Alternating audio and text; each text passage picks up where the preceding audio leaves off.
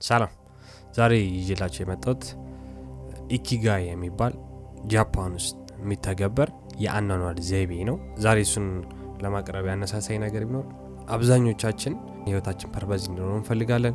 እዚህ ቻናሌ ላይ ብዙ ጊዜ ጠይቁ ራሳችሁንና መልስ ታገኛላችሁ እላለሁ እና አሁን ikigai የሚባለው የአኗኗር ዘይቤ አቅርቤላችሁ ማለት ራሳችሁን እንድትጠይቁ ስለሚገፋፋችሁ ነው። የእውነት አብዛኞቻችን ይረዳናል ብዬ ስላሰብኩ ነው። ለምን እነዚህን አራት ጥያቄዎች ከመለሳችሁ የህይወታችሁ አላማ ይኖረዋል፣ ትርጉም ይኖረዋል፣ satisfaction የሚሰጥ ህይወት መኖር ትችላላችሁ።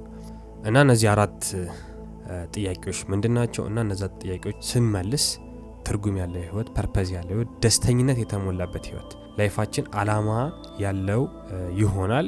እና እነዚህን ለመመለስ እንሞክራለን ወይም ደግሞ entertain እናድርገው እስቲ check እናድርግ። አብዛኛውን ጊዜ በቤተሰባችን፣ በትምህርት ቤት፣ በአካባቢያችን ነው እየተመራን ያለ ነው። የተለያዩ ትምህርቶች ይደረድሩልንና ከዛ እነዚህ መርጣችሁ ኑሩ ውደዱት አትውደዱት ሆነ ግልጽ አይደለም። ስለዚህ ይሄ አሁን ikigai የሚባለው የጃፓን ውስጥ የአኗኗር ዘይቤ የማያቋረጥ ሂደት ነው። እነዚህ አራት ጥያቄዎች ላይ ራሳችሁን የምታሻሽሉበት ናቸው እና ራሳችሁን ያላችሁበትን ቦታ check እንድታደርጉና የተሻለ ቦታ ለመሄድ motivate እንድትሆኑ እንድትገፋፉ ስለሚያደርግ ነው። ወደ አራቱ ጥያቄዎች ሄዳለሁ።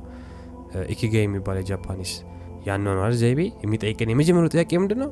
ከልባችን ማድረግ የምንወደው ነገር ብዙ ጊዜ ማለት ነው ያን ነገር ስናደርገው የማይሰለች ነገር የምንወደው ነገር የምትወዱትን ነገር ስትሰሩ ብዙ ጊዜ ጊዜ ሄደ ይመስላችሁ ማለት ታጣጥሙታላችሁ። ስለዚህ መጀመሪያ መመለስ ያለባችሁ ምንድን ነው በጣም የምትወዱት ነገር ከልባችሁ መስራት የምትፈልጉት ነገር ምንድን ነው? የመጀመሪያው ጥያቄ። ከዛ መልሱት፣ እሱን ወይም ጻፉት። በጣም የምትወዱት ማድረግ የምትወዱት ነገር ምንድን ነው? ከዛ ሁለተኛው ህብረተሰብ የሚፈልገው ነገር ህዝብ የሚፈልገው ነገር መሆን አለበት።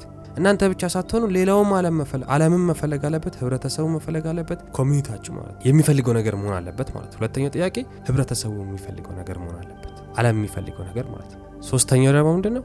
ብቃትና ችሎታ ያላችሁ የምትችሉት ነገር ጎበዝ የሆናችሁበት ነገር መሆን አለበት፣ ወይም ደግሞ ወደፊት ራሱ improve ማድረግ የምትፈልጉት ነገር ምትሰሩት ስራ ተገዳችሁ ያልገባችሁበት የምትፈልጉት ነገር ራሳችሁ improve ማድረግ የምትፈልጉት ወደፊት ማሻሻል የምትፈልጉት ነገር መሆን አለበት። ሶስተኛው ጥያቄ ማለት ምንድን ነው?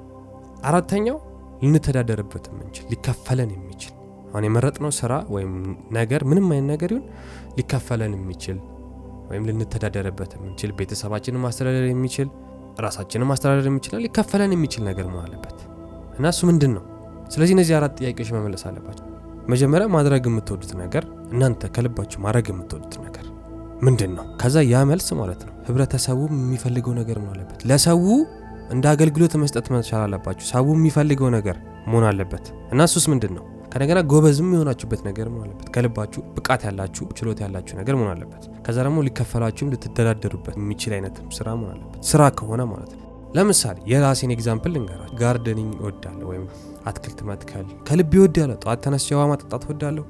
every process ኡ ደስ ይለኛል። ስለዚህ አሁን የመጀመሪያ የምወደው ነገር ነው አትክልት መትከል የምወደው ነገር ነው። ከእንደገና ደግሞ ህብረተሰቡ የሚፈልገው ነገር ነው። ሶስተኛ ደግሞ ጎበዝ የሆንኩበት አትክልት መትከል ማለት መንከባከብ ጎበዝ ነኝ ወይ እወዳለሁ ወይ ማለት ከልቤን ብቃት አለ ወይ ችሎታ አለኝ ወይ ሁሉም ነገር ችሎታ ያስፈልገዋል። ስለዚህ አሁን አትክልት መትከል ችሎታ ካለኝ ከተሳካለኝ፣ አትክልቶቹ ካደጉ፣ ቲማቲሙ ካደገ አሁን ችሎታ አለኝ ብቃት አለኝ ማለት ነው። ስለዚህ ከእንደገና ደግሞ ተክዬ ደግሞ ለሰው ከሸጥኩት ደግሞ አዎ ህብረተሰብ ይፈልገዋል ማለት ነው። ከዛ አራተኛው ደግሞ አዎ ሊከፈለኝ ወይም ልተዳደርበት ይችላለሁ። አዎ ብዛት ያለው ነገር ከሆነ የሰራሁት ልተዳደርበት ይችላለሁ። ራሴንና ቤተሰቤን መመገብ ከቻልኩ አዎ like የምተዳደርበት ነገር ነው የምወደው ነገር ህብረተሰቡ የሚፈልገው ነገር ከእንደገና እኔ ጎበዝ የሆንኩበት ነገርና የምተዳደርበት ነገር መሆን አለበት።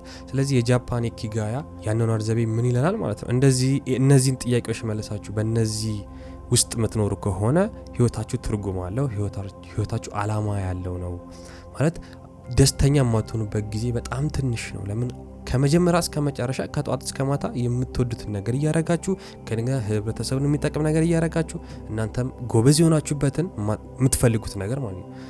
ግዴታ የሌለባችሁ ነገር እያረጋችሁ ከነገና ህይወታችሁንም ደግሞ እየቀየራችሁ የምትሄዱበት ነው። እና እነዚህን አራት ጥያቄዎች ደግሞ ስትመልሱ ምንድን ነው ማድረግ ያለባችሁ ማለት ነው? የግዴታ በቃ perfect መሆን እንደሌለባችሁ ማወቅ አለባችሁ። ማለት የምትወዱት ነገር ከሆነ መሻሻል እንደምችሉ እወቁ ለምን? ኢኪጋይ ማለት የማይቋረጥ ሂደት ነው ምንቀጥልበት ነገር ነው። እያሻሻለ ነው የምንሄድ master እያደረግ ነው የምንሄድበት ነው። የእኛ dedication ብቻ ነው የምጠቀመው። dedication ደግሞ ያለን ትልቁ ምክንያት የምንወደው ነገር ስለምናደርግ ነው።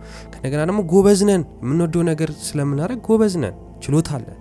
ከዛ ደግሞ ያ ችሎታችን ያ ጉብዝናችን ደግሞ እንዲከፈለን ያደርጋል ማለት ነው። ስለዚህ እነዚህ አራቱን ስለሚያሟላ አንደኛ ደስተኛ እንሆናለን። purpose ያለው ህይወት እንኖራለን። ምን እንደምናደርግ እናውቃለን። ጠዋት ከእንቅልፋችን ስንነሳ ምን እንደምናደርግ እናውቃለን። ማለት ይህ ዳውት የለንም። የምንወደውን ነገር ነው የምናደርገው። አይሰለቸንም።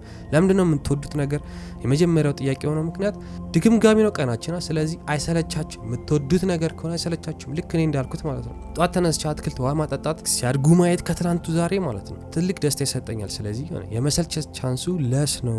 ለምን የምወደውን ነገር ነው ማድረገው። ማንም አስገድዶኝ አይደለም አትክልት ያስተከለኝ ማለት ስለዚህ እነዚህ አራቱን ጥያቄ ከመለሳችሁ ህይወታችሁ purpose ይኖረዋል። ህይወታችሁ አላማ ይኖረዋል። ስለዚህ ደስታችሁ ይጨምራል። ስለዚህ በጣም ትልቅ የ Japanese አኗኗር ዘይቤ ነው። በጣም ጠቃሚ ነው እና ይሄንን share ለማድረግ ፈልጌ ነው። እና አንድ መርሳት የሌለባቸው ነገር ግዴታ የሆነ አንድ ነገር መፈለግ የለባቸው። የተለያየ ነገር መሆን ይችላል፣ ችግር የለውም። ከዛ በጣም የምትወዱትን እየመረጣችሁ እሱ ላይ stick ታደርጋላችሁ፣ እሱ ላይ በደንብ ትሰራላችሁ ማለት ነው። ይህ ግዴታ አንድ ጥያቄ አንድ መልስ ብቻ ይኖራችሁ እያልኳለሁ። የተለያየ መልስ አዘጋጁ። ከዛ እነዛን መልሶች በደንብ ሞክሯቸውና እነዛን የተለያዩ ነገሮች ከዛ በኋላ በጣም suitable ይሆናችሁ በጣም የሚመቻችሁ ነገር ቀጥሉበት። ከዛ purpose ይኖራቸዋል፣ ትርጉም ይኖራቸዋል። የምትሰሩት ነገር purpose እንዳለው ታውቃላችሁ። ለምን አራቱን ጥያቄዎች ስለሚያሟላ እናንተም ትወዱታላችሁ፣ ህብረተሰቡም ይፈልገዋል። የምትወዱት ነገር ላይም ጎበዝ ናችሁ። ከእንደገና ደግሞ ሊከፈላችሁ ወይም ልትተዳደሩበት ትችላላችሁ። ስለዚህ ይሄ ትልቅ ነገር ነው። purpose ማለት ይሄ ነው። የእውነት እየኖራችሁ እንደሆነ የምፈልጉትን እየሰራችሁ መኖር የሚያስችል ጥያቄ ነው ማለት ነው። እና ደግሞ ይሄ የማያቋርጥ ሂደት ነው የምታሻሽሉት ነገር ነው። መሆን master እያደረጋችሁት የምትሄዱ ነው። ለምን ምን እንደምታደረጉ ምን እንደምትሉ ታውቃላችሁ። ምን መስራት እንደምፈልጉ ታውቃላችሁ። ስለዚህ master ታደረጉታላችሁ ማለት ከልባችሁ ትሰሩበታላችሁ። perfect እያደረጋችሁት ወይም ደግሞ በጣም እየቻላችሁት በጣም በጣም ጎበዝ እየሆናችሁ ትሄዳላችሁ። ለምን አሁን ለይታችሁ አውቃችኋል። ሀያ ቦታ አትሯሯጡም። አንዴዚ አንዴዛ አንዴዚ እያላችሁ ጊዜያችሁን አታቃጥሉም። ስለዚህ ይሄ በጣም ጠቃሚ ከጃፓኖች ለእኛ ያበረከቱልን በጣም ጠቃሚ የአኗኗር ዘይቤ ነው። ኢኪጋይ ነው የሚባለው። sense ካልሰጣችሁ ደግሞ በደንብ ጉግል አድርጉ፣ search አድርጉትና በደንብ ውስጣችሁ ይግባ። በጣም powerful ነገር ነው። thank you for watching love and respect ፒስ